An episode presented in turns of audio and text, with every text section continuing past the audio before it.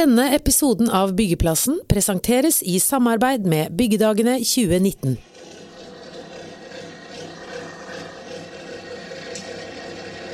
Han har rodd inn ti VM- og OL-medaljer. Nå skal han hoppe etter boligmarkedets Wirkola.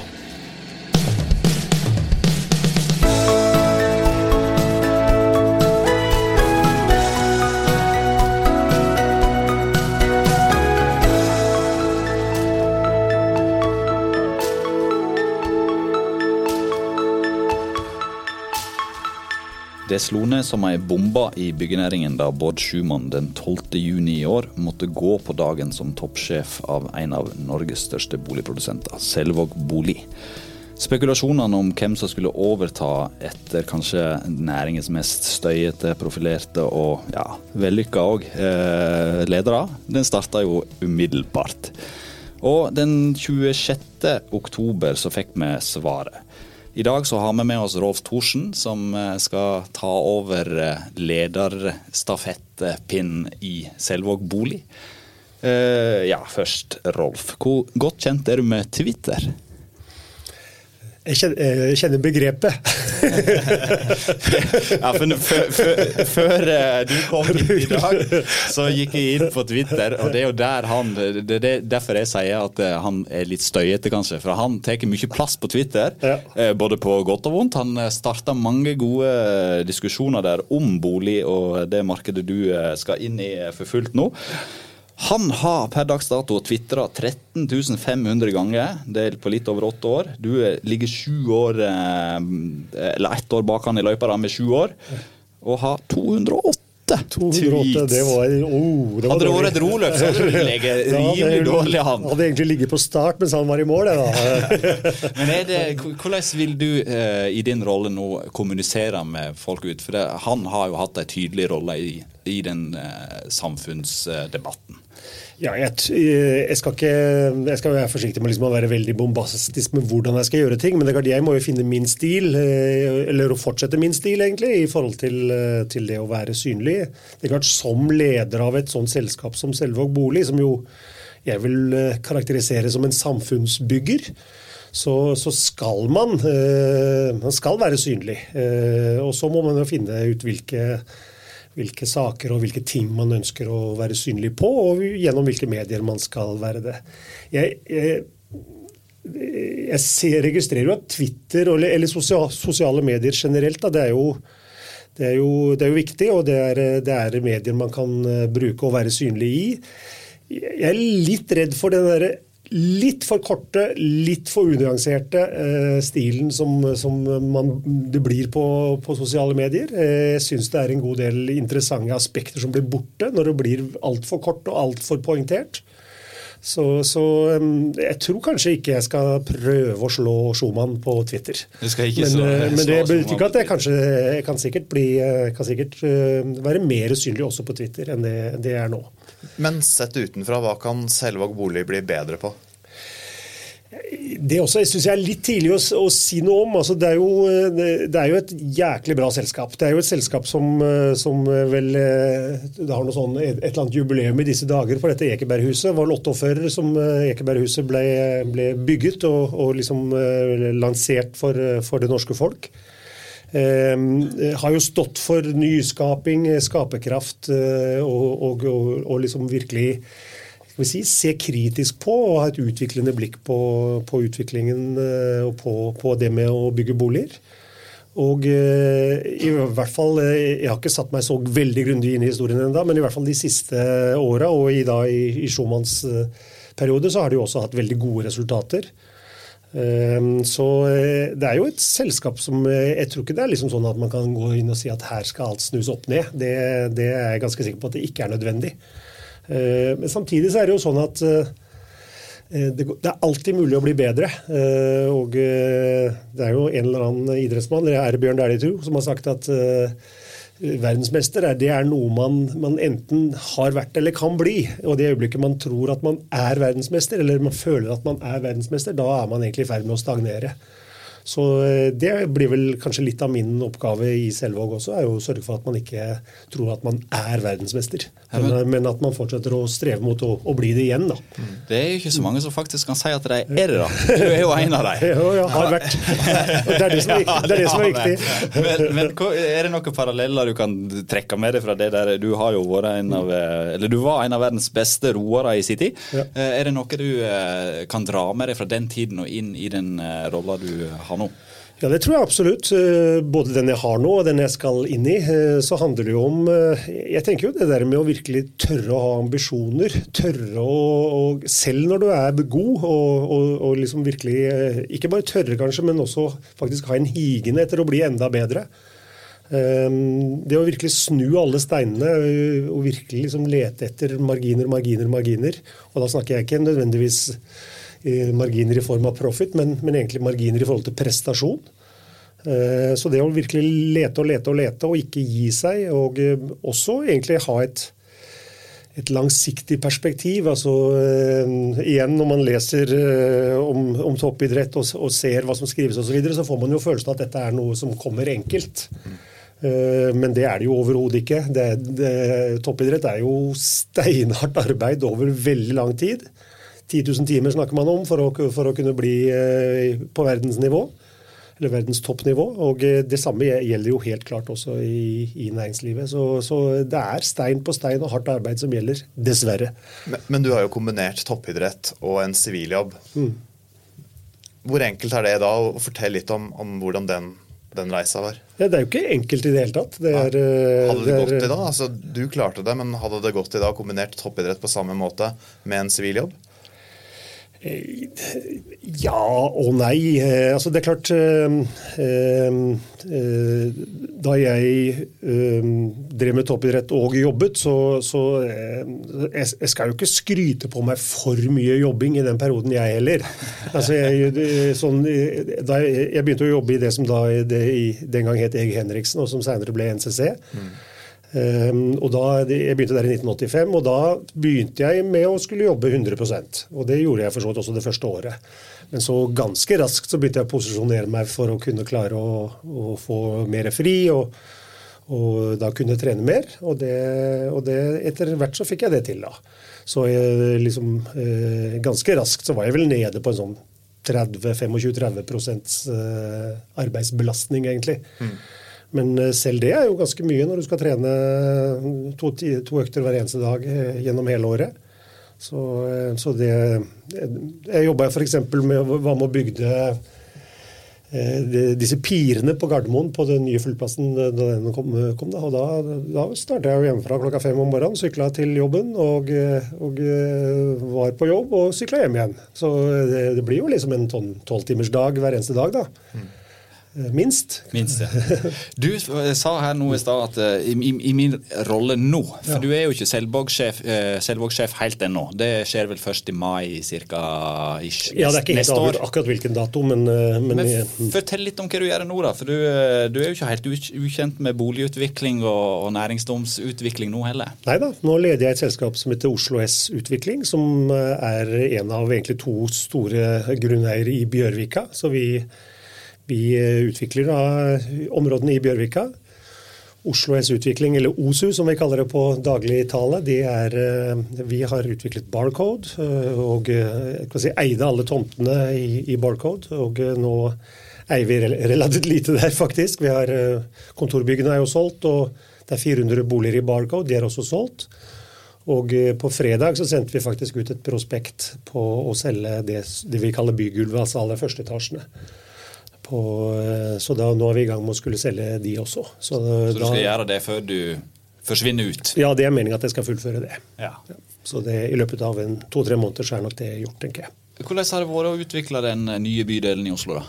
Veldig, veldig spennende. Eh, Det er egentlig en drømmejobb. Så når jeg nå skal skifte, så er det ikke fordi at jeg har vært misfornøyd med den jobben. Den har vært helt fantastisk, og, og er helt fantastisk, og kjempemorsom. Men eh, det er noen aspekter eh, som jeg syns Selvåg har, som ikke den jobben har, som, eh, som gjør at jeg syns allikevel det var verdt å, å hoppe på dette, da. Hvilke aspekter tenker du på da? Det er, det er vel flere, men det at det er børsnot, et børsnotert selskap, syns jeg er spennende i seg selv. Og det det er klart, det, det, er, det, er, både positive og negative sider ved det. Man kan jo snakke om kvartalsøkonomi og, og, og så videre, men, men, det som tiltaler meg med det, er jo den der ekstreme målingen. altså det At man blir vurdert hele tiden. Selskapet blir vurdert uh, fra kvartal til kvartal og fra år til år og fra, fra tiår til tiår, for å si det sånn. Så så det syns jeg er spennende i seg selv. Det, det Konkurransemannen inn i ja, mer igjen. Ja, jeg har veldig tro på det med måling. Eh, jeg mener Det man måler, det har man sjanse til å forbedre. Det man ikke måler, det, ja, det blir man ikke god på, for å si det rett ut. Det har jo blitt målt ganske bra, Selvåg bolig. Ja, eh, Siden ja, børsnotering så har de levert en årlig avkastning på rundt 18 ja. Eh, lover du investorene en eh, samme avkastning videre? Det må jo være målet at vi, at vi skal gjøre det enda bedre. Eh, Lovet er kanskje litt, eh, litt eh, tøft. Da. Eh, man er jo avhengig av flere ting, bl.a. et marked. Men eh, for så vidt så har man jo vært i et marked. altså Selve bolig har jo vært i markedet siden det ble børsnotert også. Så, så det bør være mulig å, å, gjøre det like bra, og kanskje til og med en, en promille bedre. Men hvilke tanker gjør du da om boligmarkedet? Altså du hopper jo etter en som hadde mange tanker om boligmarkedet. Hvilke tanker har du? Eh, jeg har flere tanker rundt boligmarkedet, egentlig. Det er, er flere liksom, På litt sånn overordnet plan så syns jeg eh, jeg synes boligmarkedet er litt rart. Det er vel det eneste som jeg sånn næringslivsmessig eh, altså Oljemarkedet og boligmarkedet det synes jeg har noen veldig like, noen sånne fellestrekk. da. Det er enten bånn gass eller full brems. Mm. Og Det, er, det syns jeg er helt merkelig. Jeg kan forstå det i oljemarkedet, men boligmarkedet syns jeg det blir litt rart. Det er, liksom, det er en sånn nødvendighet, en sånn commodity som alle må ha, er jo en bolig alle har et forhold til det. Og, og, at det skal være så volatilt da, det syns jeg er eh, litt merkelig, rett og slett. Og jeg skjønner ikke helt hvorfor det blir sånn. Men det er jo helt åpenbart at det er veldig styrt av følelser og av liksom stemninger. og og eh, mediene eh, har jo absolutt en rolle i det, men også en del av aktørene selv, syns jeg. Så, så ja, jeg, jeg, tror at eh, det jeg kanskje skal bruke eventuelt medieposisjonen til, er vel egentlig å prøve å bidra til å glatte ut de der eh, voldsomme humpene i veien som boligmarkedet har. Vi tar en liten pause for å få et par ord fra våre samarbeidspartnere. Byggenæringens viktigste møteplass Byggedagene 2019. Sett av datoene 3. og 4. april. Da braker det løs med Byggedagene på Oslo Plaza. Følg med på bygg.no. Og da er vi tilbake på byggeplassen. Ja, for Det er jo veldig, som du sier, det er jo mye mediestyrt og psykologidrevet. Det ja, det virker så, sånn. Så da vil du inn som en liten moderator, du da, og ikke være den brøleren som, eh, som kanskje forgjengeren din var? Ja, uten å, uten å, akkurat gå god for den uh, formuleringen din. Nei, vi, vi, kalte han for Grunnen til at jeg bruker det ordet, var at da vi portretterte, portretterte han, ja. så sto det på framsida vår 'Mannen bak boligbrølene'. Så han er på en måte innforstått med at jeg kommer til å kalle han det. da. Ja, riktig. Nei, men, men likevel, altså, jeg tror nok Ja, ja jeg tror det du, det du var inne på, altså prøve å i den grad det er mulig, da, å, eh, motvirke litt den der psykologien, eller, eller det voldsomme psykolog, psykologiske opp- og ned-turene som man får. da. Når det gjelder boligmarkedet som sådan, så er det klart eh, vi opplever vel alle sammen at det er litt stillere nå. Samtidig så var det jo oktober eh, den vel måneden ever med høyest omsetning. Så det er, det er jo et litt sånn rart, rart marked. Ehm, og så ser jeg jo ehm, at eh, bl.a. Bård Schumann har vært ute og advart mot lav igangsetting og lav bygging og lav regulering nå, og det er jeg jo helt enig i. Eh, det igangsettes jo veldig lite nå. Eh, og når man selger så mye som man gjør nå, så kommer jo varelageret i anførselstegn til å gå ned. Så, så, jeg er helt enig med, med, hans vurdering av at det er fare for at vi får et ganske kraftig prispress opp igjen om, om et år eller to.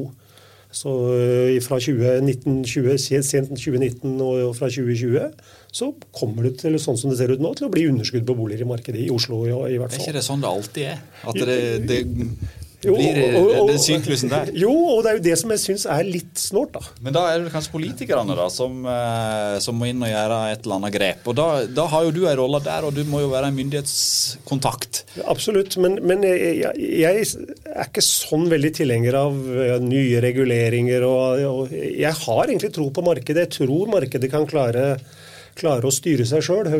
Men uh, nå snakker jeg for så vidt litt imot meg, meg sjøl, for jeg sier jo at at eh, når markedet får regjere, så er det mye psykologi. Men, men ja, det er noe her som, som jeg synes er litt uh, Som jeg i hvert fall syns er interessant, da. Og som jeg skal, skal, sette meg mer inn i og jobbe mer med. Du har tidligere snakka om kvalitet i, i, hele Bjørvika og i Barcode. Mm. Hvordan tar du med deg det videre til en industriell boligbygger som, som Selvåg? Ja, jeg mener jo kvalitet jeg går jo aldri av moten. Eh, så jeg var i en annen sammenheng her, snakket med det var vel en journalist det også, tror jeg, som som eh, kan vi si, i anførselstegn konfronterte meg med at, eh, at, eh, boligbyggerne leverer mye dårlig kvalitet. Og det, det, må jeg bare si at jeg kjenner meg ikke igjen i. Nå har jo ikke jeg voldsomt lang fartstid som boligbygger. Det er liksom i Bjørvika jeg har erfaring fra det. Mm. Men, eh, men, eh, den tilbakemeldingen vi får fra våre kunder, er at vi leverer veldig god kvalitet. Vi, men har vi eh, kanskje ikke levert så gode boliger noen gang som en gjør det nå? Jeg føler jo at det er sånn, men igjen, jeg kjenner jo ikke detaljene hos, hos alle. Og så er det jo lett å begynne å surre med begrepene kvalitet kontra standard. Altså Kvalitet øh, for meg handler jo om at man leverer øh, den varen man har blitt enige om å, å levere, og at den ikke har noe feil osv. Og Der øh, opplever jeg jo at de aller fleste, det jobber de aller fleste veldig seriøst og ordentlig med.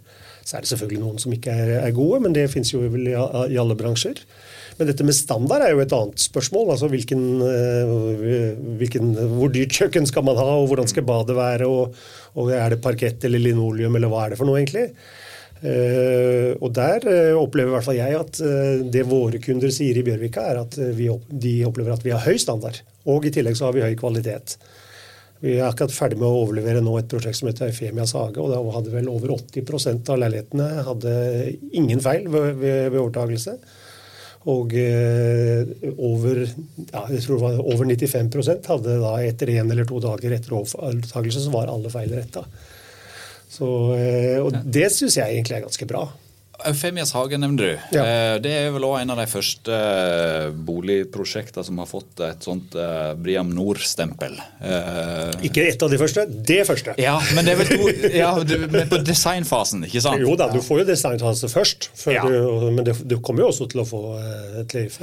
Nå er det jo ferdig. For, for, ja, for Bane Nor sendte jo en pressemelding her på fredag der at de var første på, på, på boligsida. Oh, ja, det har ikke jeg fått ja, og, det, og det var at de var ferdig. Okay. Ferdig like før dere. Ikke ikke mange dager, men like okay. før det. Ja, vel, okay. Så derfor ja, ordbruken ett av det første. Men, det, men, det, men, du var styreleder i, i, i den uh, organisasjonen som har ansvaret for Bria. Ja, uh, hvor viktig blir eh, det miljøgrepet der for Selvåg bolig framover? Jeg tror det kommer til å bli viktig for ikke bare Selvåg bolig, men for alle som skal drive i det markedet. Uh, det, det flere og flere opplever, er altså eller det mange var redd for da, når man, eh, når man, begynte å skulle miljøsertifisere, det var at uh, her kommer kostnadene til å gå til himmels, og, har, og kundene har ikke bedt om det. Så det, dette er bare tull. egentlig var et sånt uh, litt stereotypt utsagn.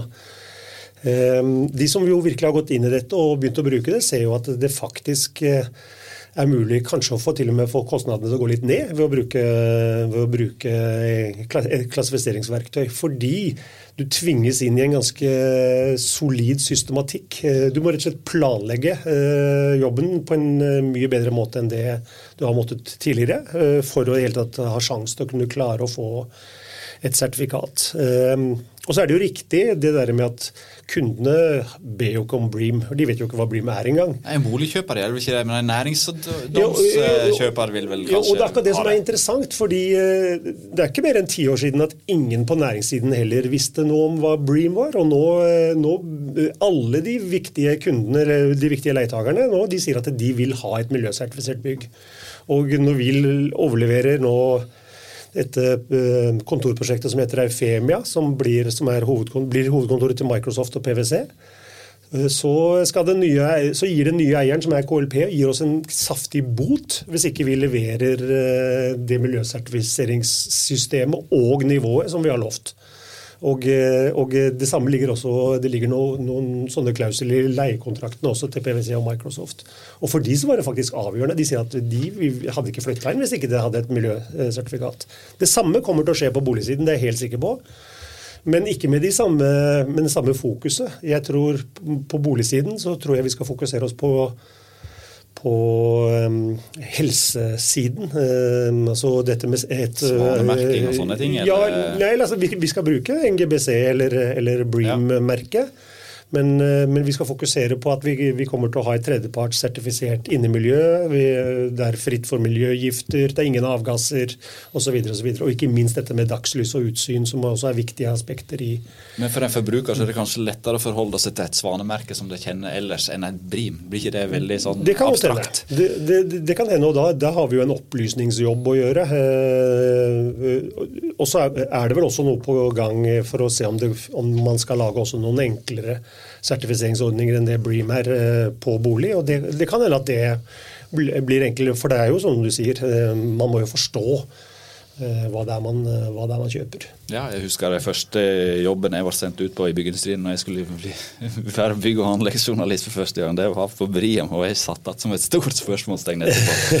Det tror jeg kanskje mange andre vil, vil gjøre, og i hvert fall som boligkjøper. Ja, og Derfor så blir jo noe av jobben vår blir jo å forenkle det, og lage litt spisse, enkle budskap. Eh, og jeg, som sagt, jeg tror på, på den helsesiden at det, det virkelig kan være, være interessant tilbake til Bjørvika og til Barcode. Ja. Det var jo en del protester mot Barcode til å begynne med, og mange mente at det hindra utsikten fra byen mot fjorden. Mm. Men er det nå sånn at de nye byggene som kommer foran Barcode, hindrer utsikten fra Barcode mot fjorden? Altså at vi får en, en vegg framfor veggen, og at det er bare togpendlerne som får oppleve Barcode?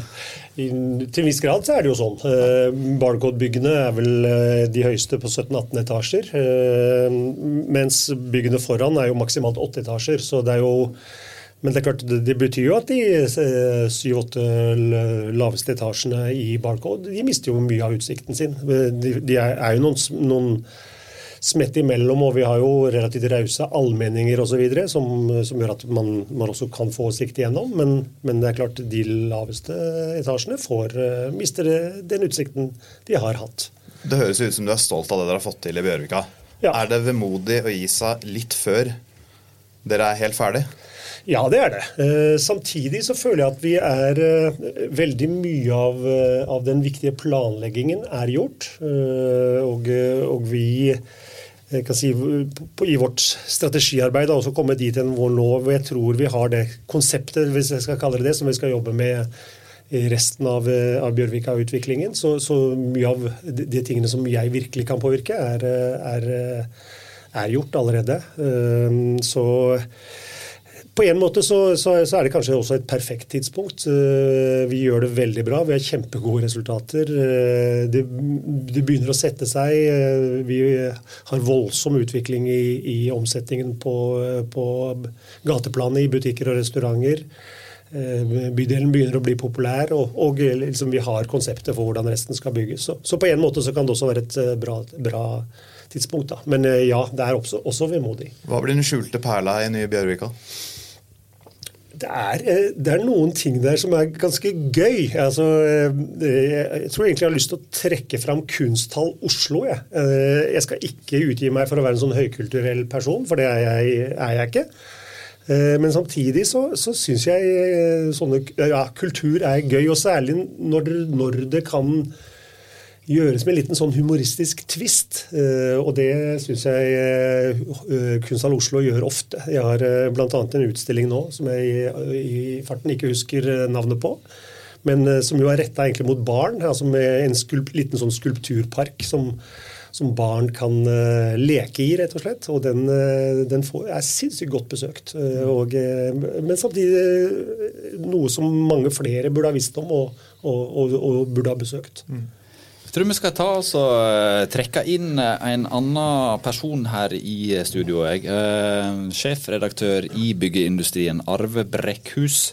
Du har helt sikkert gjort noen tanker rundt Rolf Thorsen, og, og da den nyheten kom om at han skulle ta over Selvåg bolig. Eh, slo det ned som en like stor overraskelse som det det gjorde når eh, Bård Schumann måtte gå på dagen? Det var kanskje ikke det store suset som gikk i redaksjonslokalene på samme måte? Overraskende var ikke det, og ikke noe bomba på, på noen måte, egentlig. Det blitt diskutert hvem skulle overta etter Schumann, både hos oss og i andre redaksjoner. og Det er kanskje ikke Thorsen som har vært nevnt først av alle, men eh, når vi tenkte over og fikk navnet, så var ikke det overraskende helt tatt. Helt sikkert et veldig godt valg for, eh, for Selvåg bolig. Jeg har ikke sjekka børskursen rundt eh, tidspunktet når det skjedde, men vi tror det har påvirka i positiv retning, vil jeg tro. i hvert fall. Jeg tror faktisk det har vært ganske flat utvikling, så, men det var ikke et totalt ras. men han datt jo kraftig når nyheten kom om lederskiftet. Ja, eh, altså da når han måtte gå. Ja, det men det er jo ikke så overraskende. Nei, Og så gikk det vel opp igjen ganske raskt òg, tror jeg. For det har vært en veldig bra utvikling, så jeg i stad, på tallene til Selvåg eh, siste året, faktisk. Hva tror du om eh, den jobben han kan gjøre da i Selvåg? Jeg tror han kan gjøre en god jobb, egentlig, for han har veldig bred erfaring på det han går inn på. Han har jobba i et entreprenørselskap i mange år, selv om han var veldig mye byggherre der òg. De siste sju årene var jeg ja, ja. men før det var jeg jo mange år på, ja. på entreprenørsiden. Ja. Mm. Og så har han jo òg bygd egentlig Bjørvika, så han har bygd veldig mye.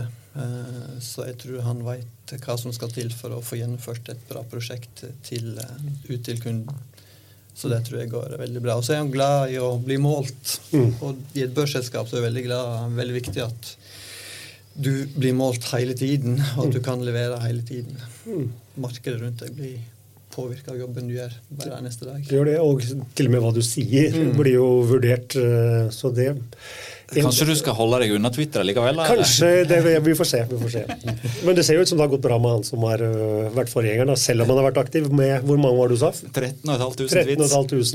tweets ja. og, og, så ble du lansert som idrettspresident en gang. Er du glad du ikke fikk den jobben? Ja. Eh, eller både og, egentlig. Det hadde sikkert vært spennende, det også. Men, eh, men det var vel i når var det? 2004, ja. Um, og den perioden fra 2004 og fram til i dag har jo vært ekstremt spennende for meg uh, i, den, uh, i, den, veien jeg har gått. da. Så um, Man vet jo aldri hva som hadde skjedd hvis det hadde gått en annen vei. Ja. Eh, du Arve, er det en andre ting han kan forvente seg nå i boligmarkedet? Hvordan blir boligmarkedet framover? Har du eh, noen tanker rundt det? Ja, det er jo sånn litt småspennende marked, syns jeg. Det er jo egentlig veldig bra marked nå. Det er sånn perfekt tilbud mellom etterspørsel og, eh, og, eh, forventninger og hva som er tilgjengelig i markedet. Alle ekspertene sier jo at det er bra balanse for tiden. Mm. Og som du nevnte, så oktober så var jo mest omsatte måneden på veldig, veldig lang tid. Så selv om det er veldig mye skriveri om at det er kanskje et nedadgående marked nå, det er et tungt marked at vi kan vente, Det er jo noen pessimister som alltid forventer et boligkrasj, så jeg er ikke redd for det i hele tatt, egentlig. Jeg tror vi får et jevnt bra marked framover, egentlig, og alt tilsier at det skal gå bra. Det er bra økonomi, lav arbeidsledighet, fortsatt veldig lav rente, selv om hun kanskje skal litt opp. så det er ingenting som skulle tilsi at vi skal få noe stort problem i boligmarkedet. Jeg tror det blir jevnt positivt i ganske lang framtid, egentlig. Mm. Og Det som er litt spennende også med den der, som vi snakket om tidligere, med den psykologitilnærmingen, er jo Eh, at mange av de som uttaler seg, snakker jo liksom i et kort perspektiv. eller Det virker som de ikke tar inn over seg at folk kjøper bolig for å bo. Eh, og i, hvert fall for min egen del, jeg har bodd i boligen jeg bor i nå siden 1993. Eh, og om liksom det går opp et år og ned et år. Det er på en måte litt uinteressant. Da må jeg nesten spørre deg, for din forgjenger igjen, da, nå blir det mye forgjengerprat her, men han er jo en av de som investerer i bolig. Ja. Det gjør ikke du, eller? Jeg har ikke gjort det hittil. Eh, men, eh, altså, jeg, jeg, eier jo min egen bolig, for så vidt. Da. Men, eh, men, det er jo en ting jeg vil vurdere. Da. Og det, det jeg jo må gjøre, og vil gjøre, er jo i hvert fall å investere i, i Selvåg-aksjen. da. Da sier stoppeklokka at vi er i mål. Det ble kanskje ikke medalje på oss, i hvert fall ikke VM-medalje, men vi har lykkes å ro episoden av Byggeplassen greit i land likevel. Så takk til vår gjest Rolf Thorsen, og takk til Alf Magne Hillestad, som noen gang har sørga for lyd og god teknikk her. Programledere har vært Frode Aga og Kristian Aarhus. Og glem ikke å abonnere på Byggeplassen på din eh, podkast eh, ja, hva skal man si, iTunes eller der du finner din podkast, så høres vi snart igjen. Takk for oss.